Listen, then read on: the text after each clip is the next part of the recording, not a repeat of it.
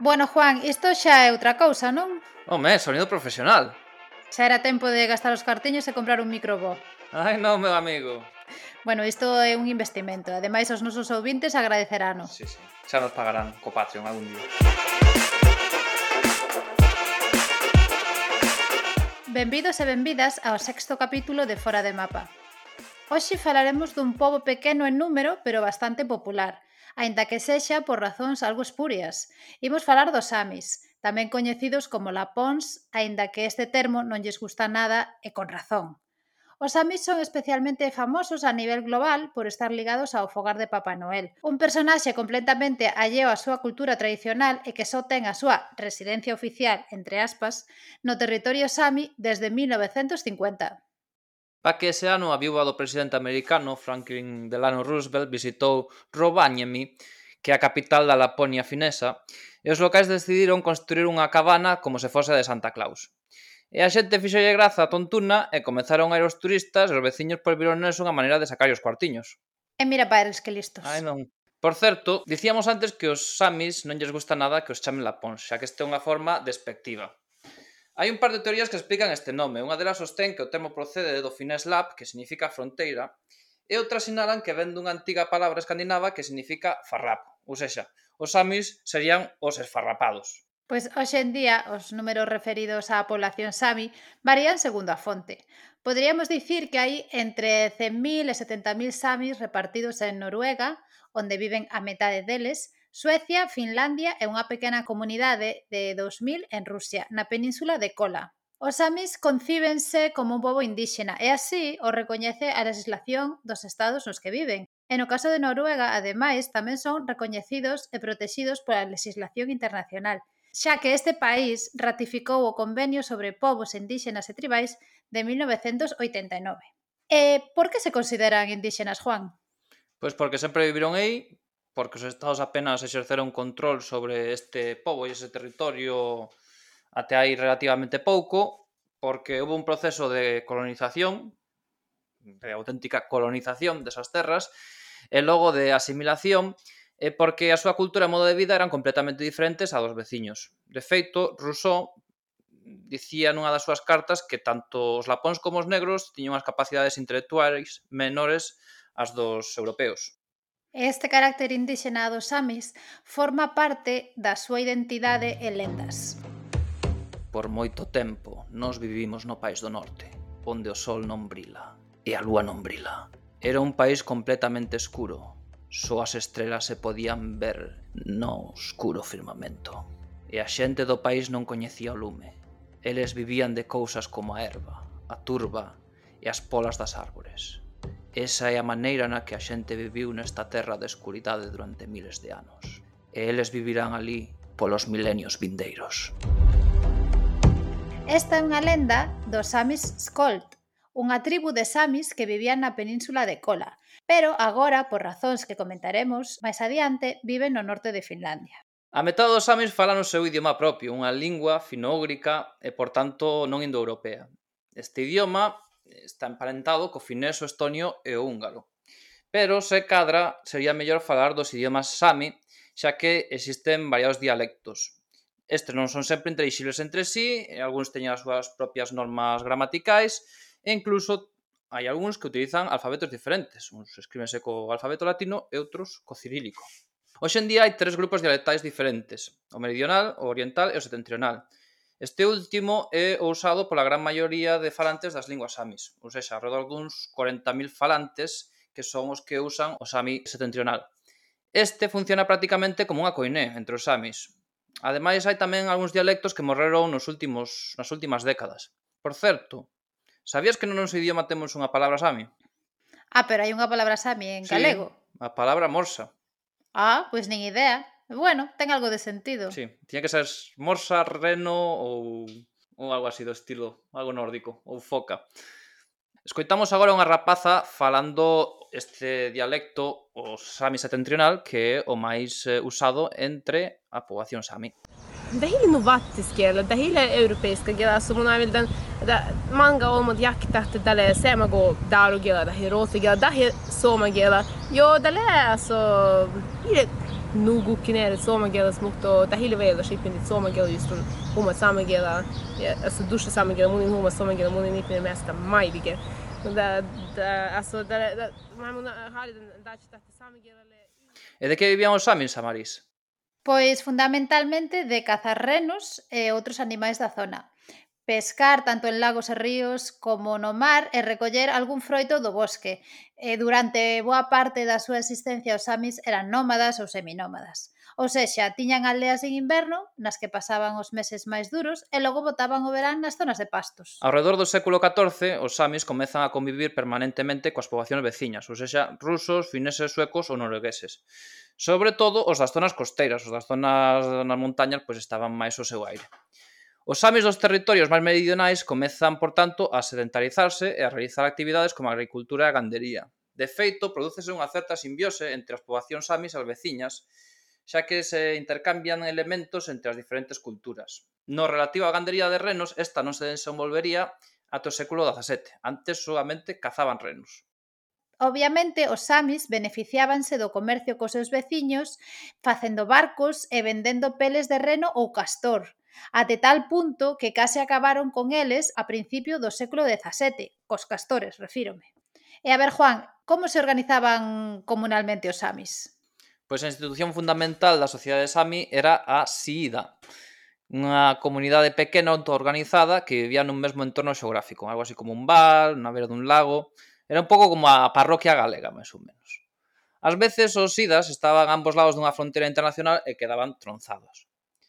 Ademais, estas comunidades non eran sempre familiares, e tiñan as súas propias normas consuetudinarias, formas de autogoberno e de compartir os recursos naturais. Nos relativo ás crenzas, os samis tiñan unha religión chamanista, na que a figura do chamán, que era sempre masculino, tiña unha relevancia fundamental. Este chamán entraba en trance cos sonidos do tambor tradicional sami e uns cantos, os dioic, que se empregaban nas cerimonias religiosas. E sabías que precisamente o Joik aparece na famosa Frozen 2? Pois non teño nin idea, porque as películas de dibuixos como que non son para min, eh?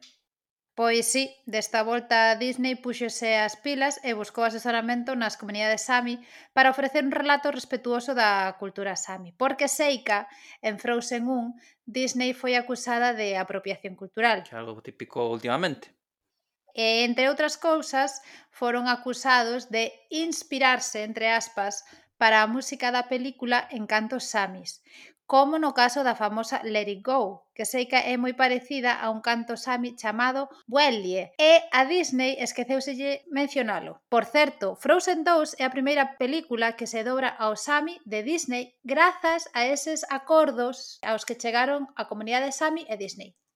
Ah.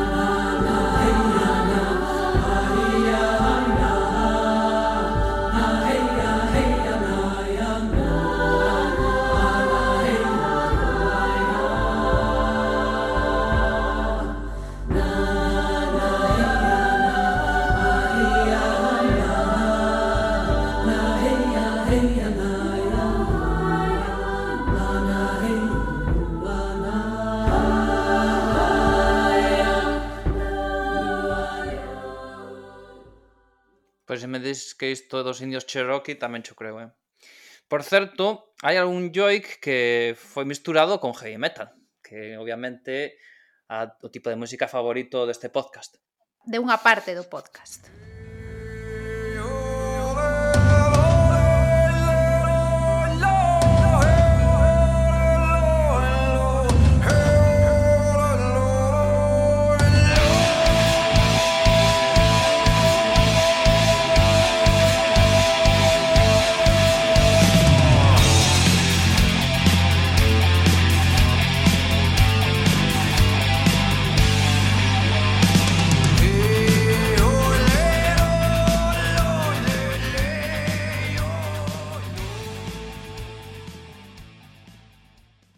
Volvendo á religión, os samis tiñan unha chea de deuses tanto masculinos como femininos que controlaban e representaban as forzas da natureza e protexían as comunidades.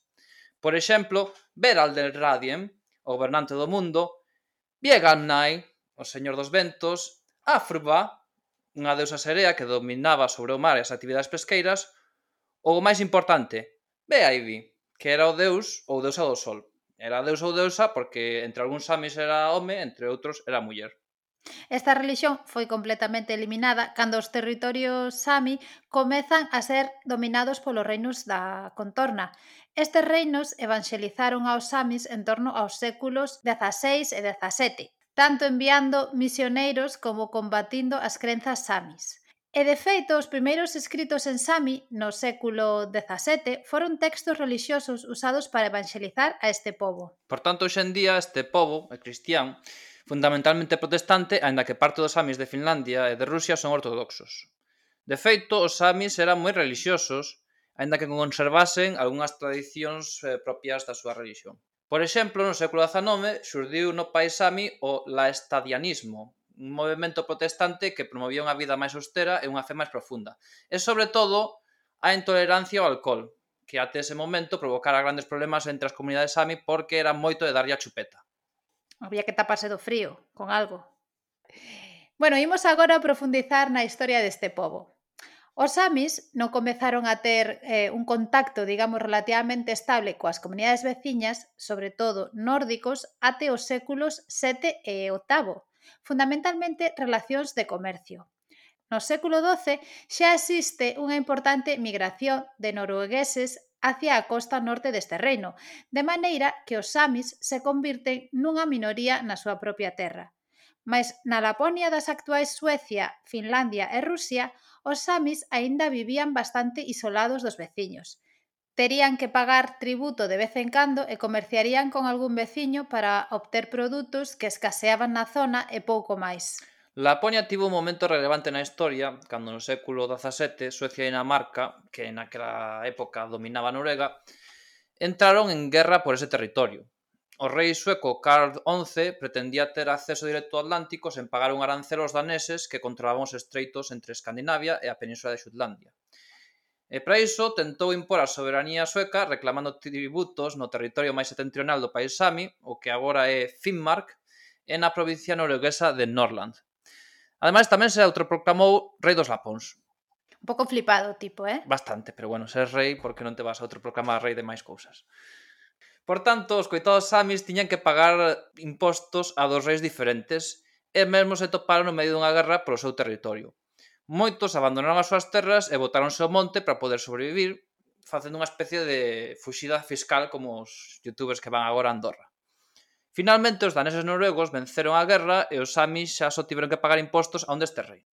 Va, por Dios, o caso era pagar. Este mesmo rei sueco, Karl XI, promoveu a colonización da Laponia sueca, que daquela tamén incluía o territorio da actual Finlandia. Esta política buscaba que os colonos establecesen na zona ofrecendo concesións como a exención de impostos e de conscripción.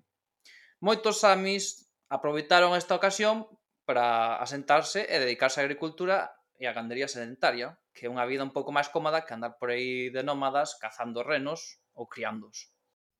Sí, e moitos destes samis sedentarizados foron asimilados ao pouco, adoptando apelidos e nomes suecos e fineses.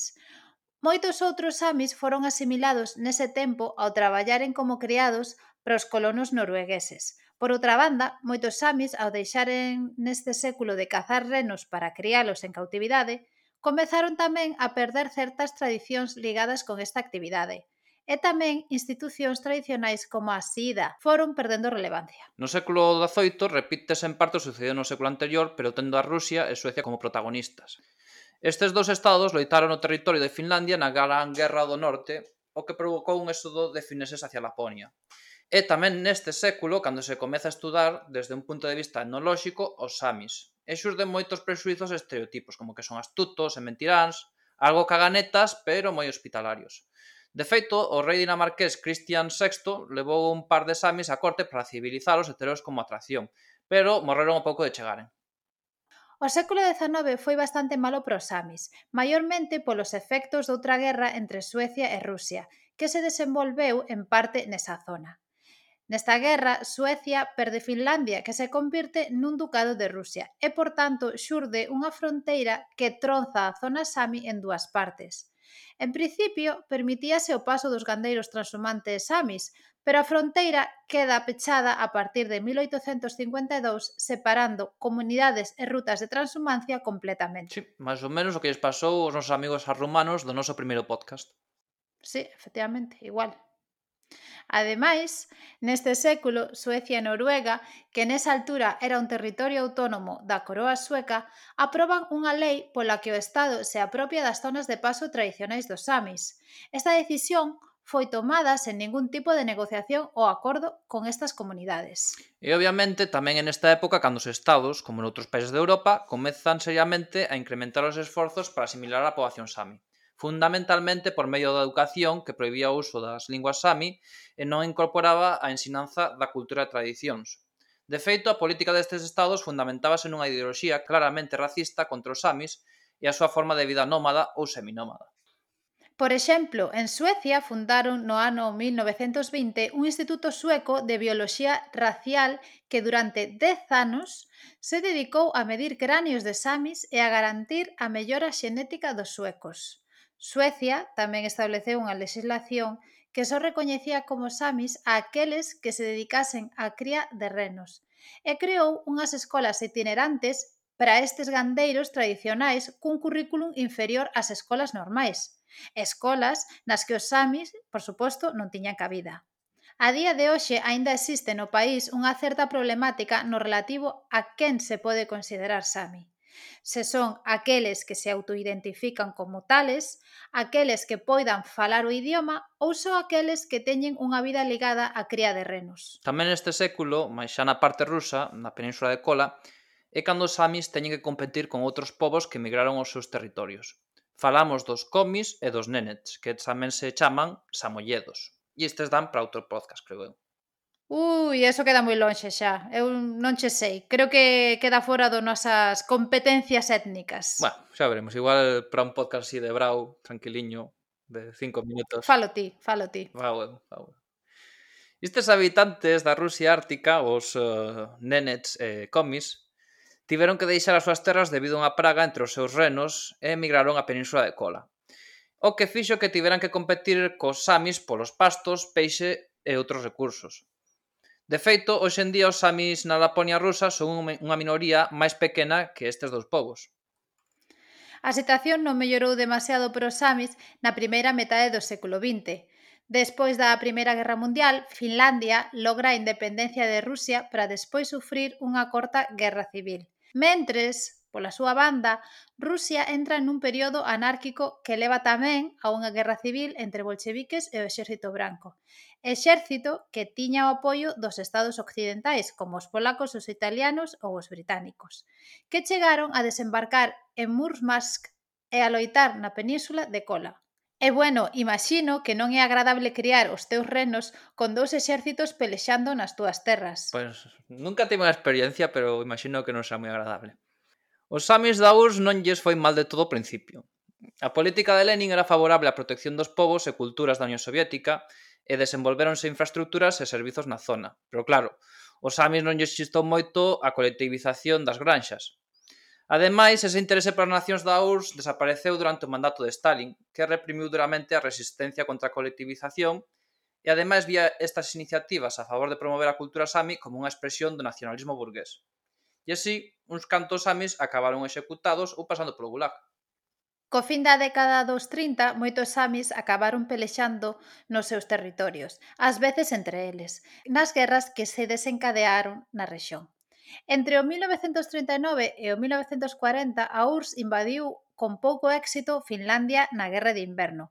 Este éxito limitado permitiulle ocupar pequenas zonas que perdería un ano máis tarde durante a invasión alemana na que Finlandia se aliaría co Terceiro Reich para recuperar estes territorios. Este conflito en Finlandia é chamado a Guerra de Continuación. A pesar de que o exército finés foi capaz de recuperar o territorio perdido e mesmo chegar ás portas de San Petersburgo, tivo que negociar unha paz en agosto de 1944. Nesa altura xa estaba clara a inminente derrota da Alemanha nazi xa que unhas semanas antes a Wehrmacht fora barrida no frente oriental durante a Operación Bagration. Esta paz entre a URSS e Finlandia non só supuña devolver os territorios ocupados, senón tamén ceder a rexión de Péchamo, que hoxendía é Pechenga, e, por tanto, a saída finesa ao Océano Ártico, porque na época entre guerras Finlandia tiña un porto no Ártico, ou xa non. Ademais, o exército finés tiña que tratar de expulsar o exército nazi que aínda loitaba cos soviéticos en Laponia. E así fixo. Loitaron contra as unidades alemanas que tiveron que evacuar a zona e marchar para a Laponia norueguesa esa ocupada dende 1940, e a zona de Pechenga ou Péchamo. Recomendo vos que miredes o mapa que publicaremos, grandísimo mapa de San Savaris como sempre, para que vos fagades un pouco a idea de por onde andaban a pelexar. Neses territorios samis do norte de Noruega e no norte de Rusia, tanto nazis como soviéticos luitaron durante meses forzando a boa parte dos seus habitantes a refuxarse nos montes ou en covas e a gran maioría das construcións foron completamente destruídas, acabando con séculos de patrimonio cultural nesa rexión. Por certo, dato curioso, Hitler e moitos nazis consideraban os samis como unha especie de primos arios do norte. Vaya, os nazis e sus cositas nazis. Coa fin da Segunda Guerra Mundial, a rexión de Pechenga foi transferida á URSS, como dixemos, e os samis da zona, os chamados Skolt, decidiron abandonala e reasentarse en Finlandia. Unha experiencia bastante traumatizante para eles e que ten orixinado unha chea de relatos e música. Ademais, os ames da US non creo que lles fixese especial graza que no seu territorio se fixesen varias probas de bombas nucleares o que moitas das súas aldeas foran destruídas para concentralos en cidades. Os anos de posguerra foron máis tranquiliños, pero igualmente relevantes para a identidade sami, porque ou ben se urbanizaron os núcleos nos que vivían, e, por tanto, abandonaron un modo de vida máis tradicional ou emigraron ás cidades, moitas veces asimilándose completamente á poboación local. Ademais, é nesta altura cando desaparece a práctica da esterilización por razóns euxenésicas en Suecia e Noruega, práctica que fora imposta a moitas mulleres samis durante décadas. Uns aniños máis tarde, no 1970, xurde un forte activismo sami ligado á protección do seu hábitat natural. O gran desencadeante foi a construción dun encoro no río Alta, que está na Laponia norueguesa. Este encoro asolagaría pastos e algunha aldea sami. E a partir deste conflicto, e a pesar de que a presa foi construída finalmente, os samis viviron un despertar reivindicativo. Fundaron unha chea de asociacións de variado tipo, como políticas, culturais, feministas, sociais, que reclamaban en cada Estado, a excepción da Unión Soviética, claro, unha maior participación do povo sami nas decisións políticas e unha maior protección e divulgación das linguas e culturas samis. E tamén, nas décadas 60 e 70, cando as conferencias samis comezan a coller forza. Estes eventos periódicos reunían os samis dos catro estados para analizar as problemáticas comuns, facer recomendacións aos estados e adoptar decisións. Por exemplo, crear unha bandeira, que debe ser un pesadelo absoluto pros daltónicos, elixir un himno, o Sami Soga Yabila, que significa a canción do povo Sami, e un día nacional, que é o 6 de febreiro. E a bandeira é preciosísima. Preciosísima se podes distinguir as cores.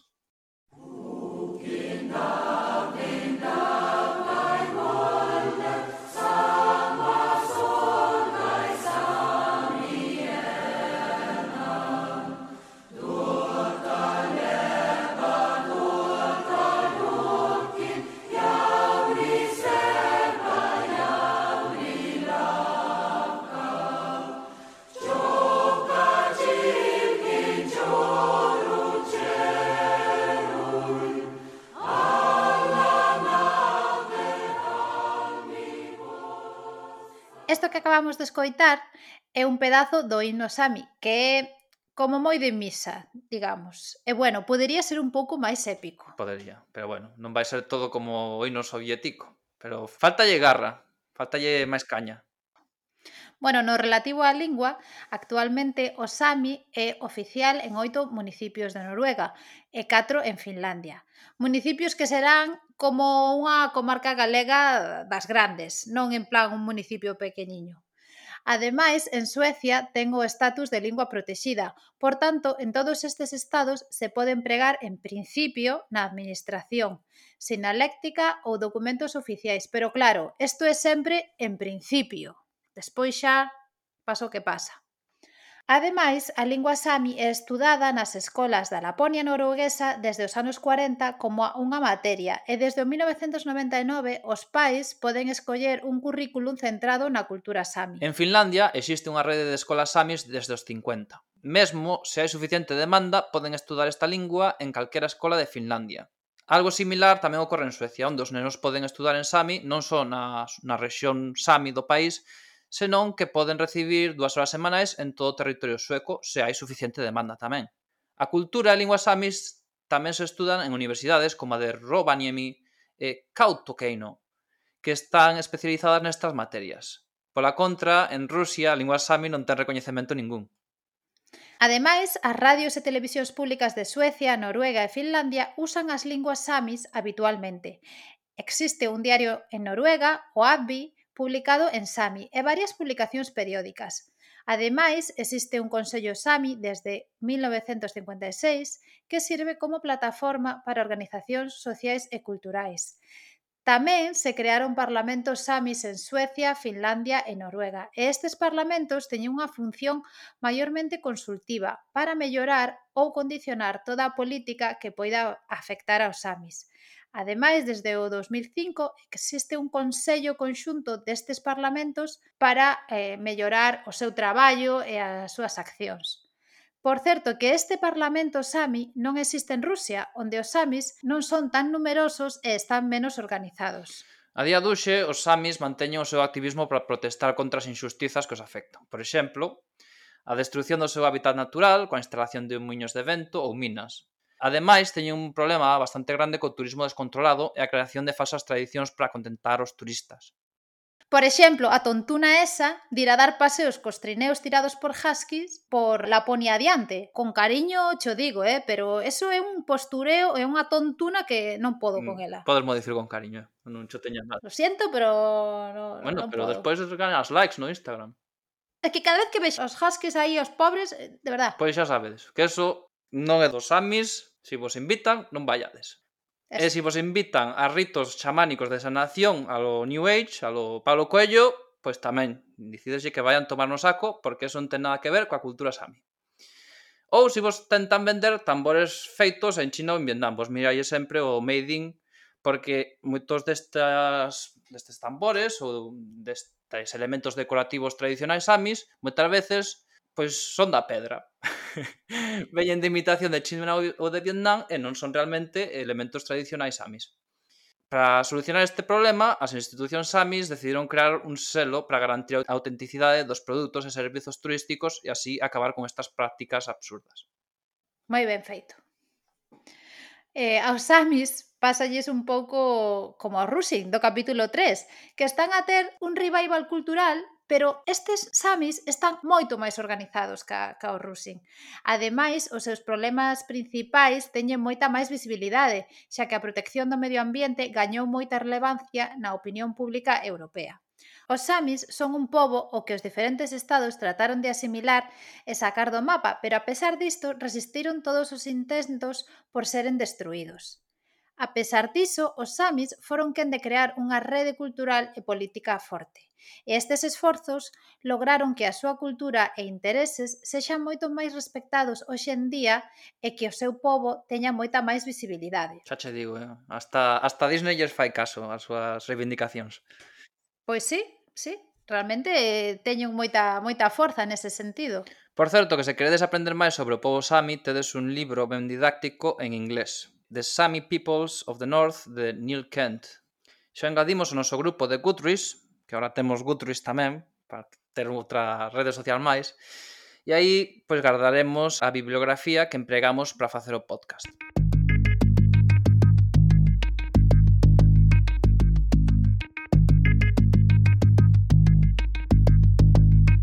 Muslana natou tudo pirra Damun toutastan inge herpan Hoxe despedimos o capítulo de Fora de Mapa con Solju e eh, coa súa original música en lingua sami.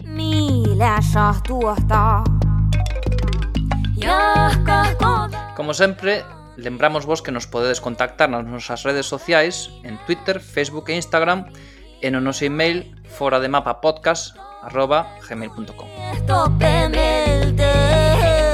Escoitámonos en 15 días o Ainaleapmai. Como mañamos aí o acento sueco-finés sami, eh? Un espectáculo. Sí. Vamos facer un cursillo intensivo de acentos... Nórdicos. Eh, nórdicos, sí, indoeuropeos e tal.